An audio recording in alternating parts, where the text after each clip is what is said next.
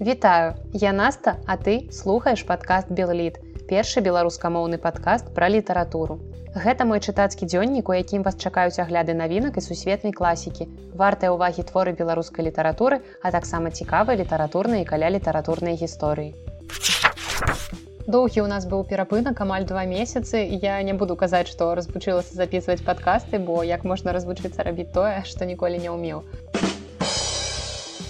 Але насамрэч думаю, што вам таксама было не да падкаста ўвесь гэты час, а можа і цяпер не да іх мне, напрыклад, увогуле складана сябе прымусіць нешта рабіць, акрамя як хвалявацца. І апошні выпуск гэтага падкаста выйшаў акурат перад выбарамі і там я спадзявалася, што ўсё ў нас будзе добра і я ўсё яшчэ ў гэта веру.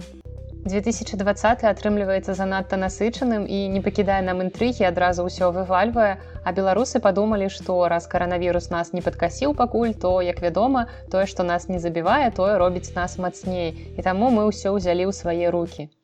Разбуры, турмы муры, прагнеш свабоды то бяры. А часы цяпер такія, што прыстойнасць чалавека вызначаецца колькасцю дзён, праведзеных на сутках у жодзіна ці на крэсціна.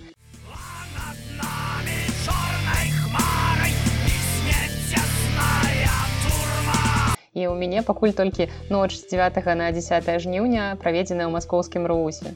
Але ў вольны ад шпацару па беларускіх вуліцах час можна пачытаць і кнігі. Напрыклад, кнігі пра падарожжа і гэта я так тонка падводжу да тэмы сённяшняй падборкі. Я нагадаю, што спасылкі на ўсе кнігі, якія згадаю сёння, вы знойдзеце ў апісанні да гэтага выпуска. А таксама ў апісанні спасылка на мой яндекс кашалёк і такім чынам вы можете падтрымаць далейшыя выпускі гэтага падкаста. Ну і не буду доўга вас затрымліваць, пачну падборку. І вядома ж, я б магла яе прысвяціць тэме дыктатараў вельмі актуальнай у наш час, або антыутопіі, якія вельмі нагадваюць наше жыццё. Але мне здаецца, што большасць з вас ведае культавы твор Орвела і ўжо не баіцца вялікага брата, які за ім сочыць. таксама я думаю, вы разумееце, што ўсё, што цяпер адбываецца навокал, ужо апісаў кавка ў сваім працэсе. І таму мне б хацелася трошкі адпачыць ад восені патрыярха Маркеса і мы выправімся ў віртуальнае падарожжа падалей ад гэтага ўсяго. Тым больш мне здаецца, што сёлета многія з вас засталіся без адпачынку, таму вам будзе прыемна павандраваць хаця б у кнігах лежачы на канапе. Першая кніга падарожнай падборкі выйшла ў выдавецтве Лофіна ў 2019 годзе. І гэта твор балгарскага пісьменніка Михаіла Вешама англійскі сусед у перакладзе на беларускую Тацяна Нікеенка і я задумалася што гэта магчыма першая кніга балгарскага аўтара якую я чытала. Можа быть у вас таксама так будзе. Гэта гісторыя пра балгарскую вёску дзе жывуць цікавыя каларытныя жыхары. І ў кожнага свая гісторыя кожнаму аўтар падарыў яркі непаўторны вобраз. І праўда часам гэтыя вобразы даведзеныя да крайнасці і карыкатурнасці. Я думаю што балгарскіх чытачоў такое магло трошки пакрыўдзіць калі яны пазналі у гэтых героях сябе. Але аўтар мне здаецца добра ведае што такое самаіронія Жывуць у гэтай вёсцы даволі спакойна, аднастайна, але аднойчы іх спакой парушае сапраўдны англічанін Джон, які вырашае збегчы ад шумнага гарадскога жыцця э, з Англіі ў вёску. І ён купляе дом у балгарскай вёсцы і пачынае там рамонт. Але ён сунуўся зусім не ў тую вёску, ён зусім інша уяўляў сабе балгарыю яе насельніку. Яго спробы інтэграцыі ў балгарскае грамадства выклікаюць толькі смех, а кожны з жыхароў хоча выкарыстаць Джона ў сваіх мэтах. І калі вы глядзелі фільмы кустурыцы, то ведаеце, як выдатна ў яго атрымліваецца паказаць балканскі каларыт. І вось кніга вешама паводле атмасферы гэта такія ж фільмы кустурыцы толькі ў папяровым выглядзе і пра балгарыю. Таксама кніга прыйдзецца даспадобы аматарам футбола, таму што там мноства імёнаў, апісанняў футбольных матчаў і адзін з герояў праз суд плануе змяніць сваё імя на нотынгем форест у гонар любімага футбольнага клуба. Кніга не вельмі аб'ёмная, з ёй можна прыемна правесці вечар, адпачыць і добра пасмяяцца. Наступны твор напісаны беларусам, але выйшаў у 2017 годзе ў выдавестве галіяфы па-руску. Гэта кніга Стаса Ільіна ветравое сцекло. Я з таго пакалення дзяцей, якое разам з бацькамі вечарам глядзела культавы расійскі серыял дальнабойщікі з галкіным гасцюхіным і мяне прываблівалі гэта рамантыка дарогі, прыгоды, небяспека за кожным паваротам. І мне здаецца, што многія хлопчыкі замест касманаўтаў ці міліцыянераў марылі тады стаць дальнабойнікамі. Я еду па восеньскім Агродзенскі хлопец стас вучыўся ў мінскім лінгвістычным універсітэце, але ў 2007 годзе вырашыў нешта змяніць і эміграваў ЗША. І ў першыя гады жыцця ў Амерыцы ён паспрабаваў шмат рознай працы, але яму хутка надакучылі аднастайнасць манатоннасць гарадскога жыцця і таму ён вырашыў падацца ў дальнабойнікі. Так і ўзнікла гэтая кніга з нататак замалёвак, якія ён рабіў у 2013-14 годах падчас працы. Кніга падзеленая на главы і кожная з іх названая пэўнай датай. Аўтар расказвае пра асаблівасці працы дальнабойніка, з якімі цяжкасцямі яны сутыкаюцца, таксама маляўніча апісвае спадарожнікаў ці проста людзей, якія сустракаюцца яму падчас рэйсу і дзеліцца думкамі на розныя тэмы. Атрымліваецца такі своеасаблівы падарожны дзённік. Ільін піша вельмі цікава, лёгка і часам нават здаецца, што ты сядзіш побач з ім у кабіне тэнкера, а за акном ідзе дождж і вы едзеце да бліжэйшага трак-стопа, каб паесці і прыняць душ. І кніга вельмі цёплая, душэўная і я атрымала сапраўднае задавальненне, калі яе чытала і спадзяюся, што аўтар парадуе нас новымі кнігамі.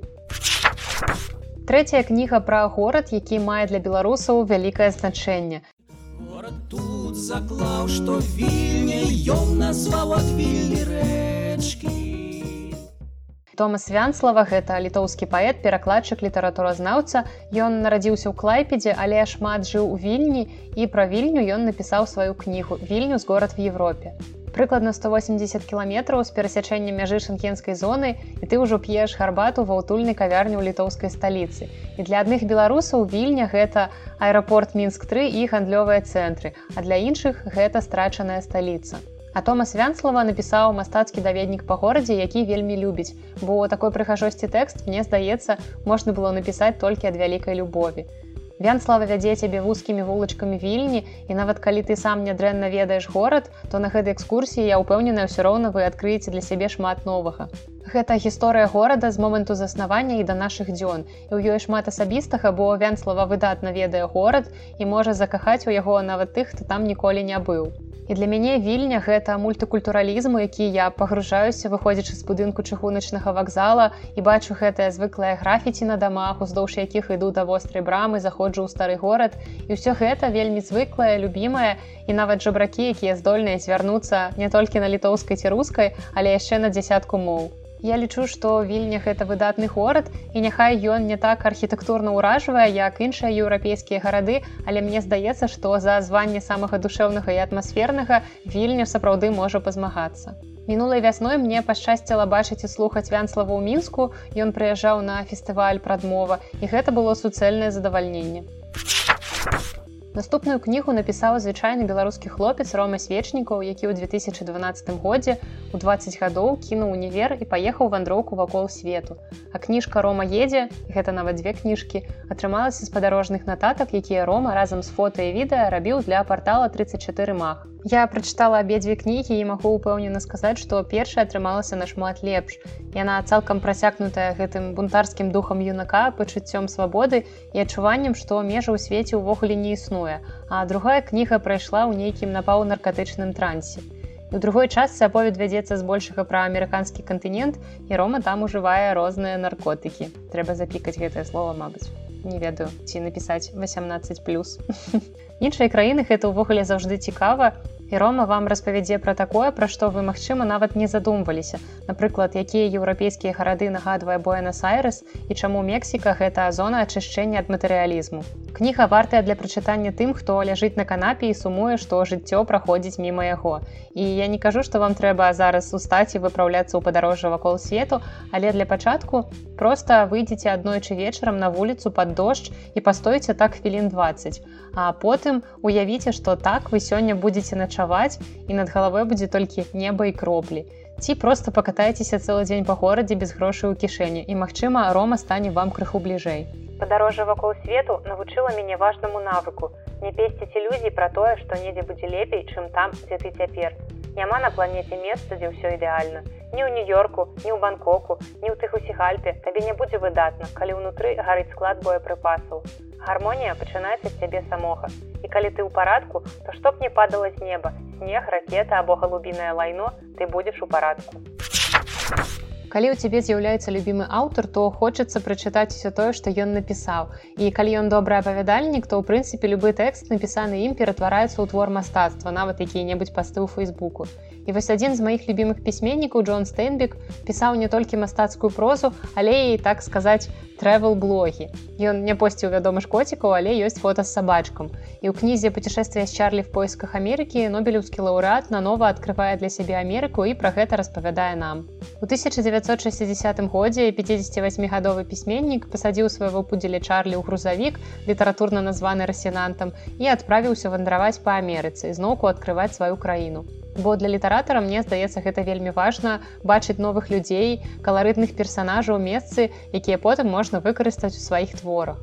Наогул разумець чым жыве і дыхае такая вялізная і мультыкультурная краіна і вось мэтай падарожжа стэнбіка быў якраз пошук адказу на пытанне які ж ён сучасны амерыканец. На той момант у стэнбіка ўжо былі вялікія праблемы з сэрцам і праз 8 гадоў ён памрэ ад сардэчнай недастатковасці.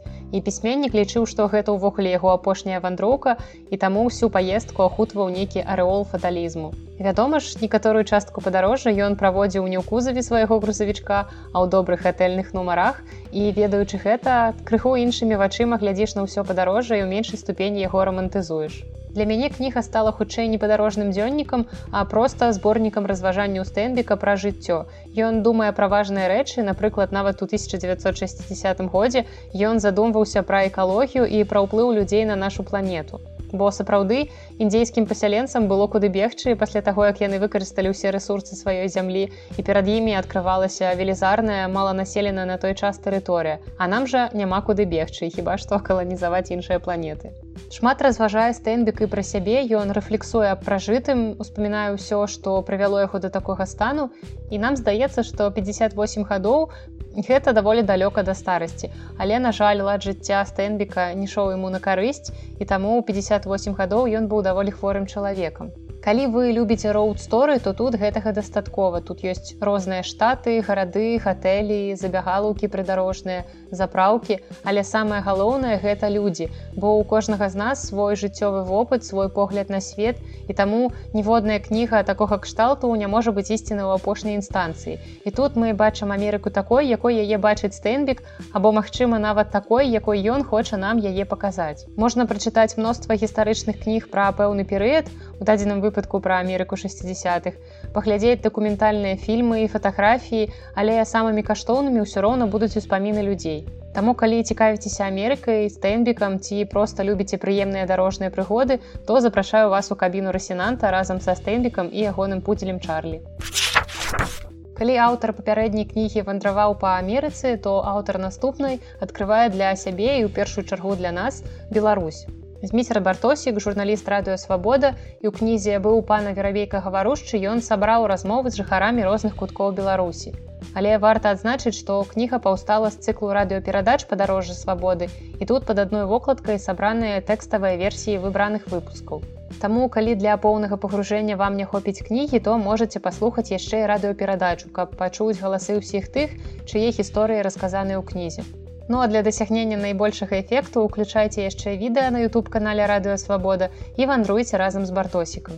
Ад некаторых гісторый кнігі валасы ўстаюць дыбам, ад некаторых па целе прабягаюць дрыжыкі, бо гэта гісторыі, якія дзесяцігоддзі чакалі таго, каб быць расказанымі.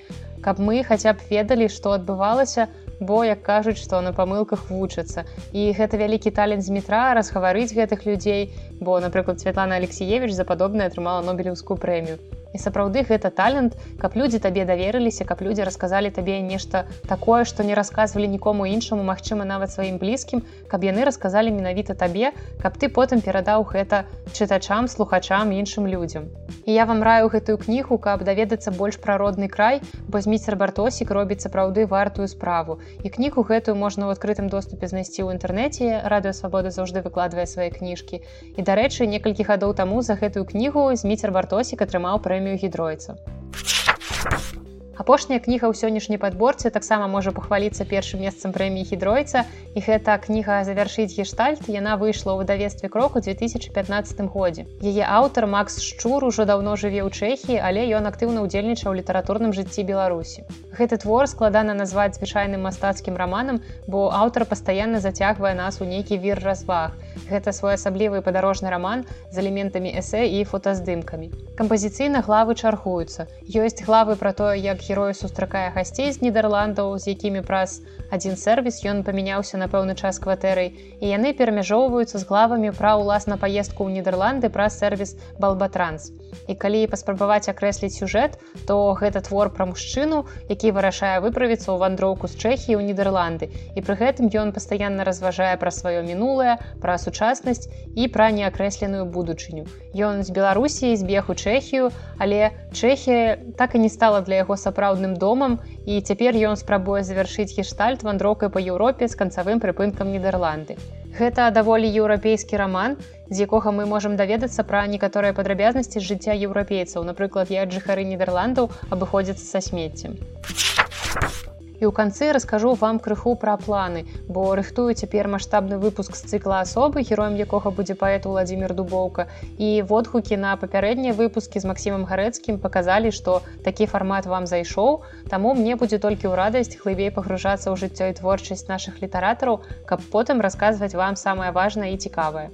Спадзяюся, што больш не будзе такіх вялікіх вымушаных перапынкаў і падкаст вернецца ў свой ранейшы рэжым. Не крывавы. і нагадваю, што ўсе важныя спасылкі ў апісанні, а на гэтым я развітваюся. З вами была Наста і падкаст Белліт. Да сустрэчы.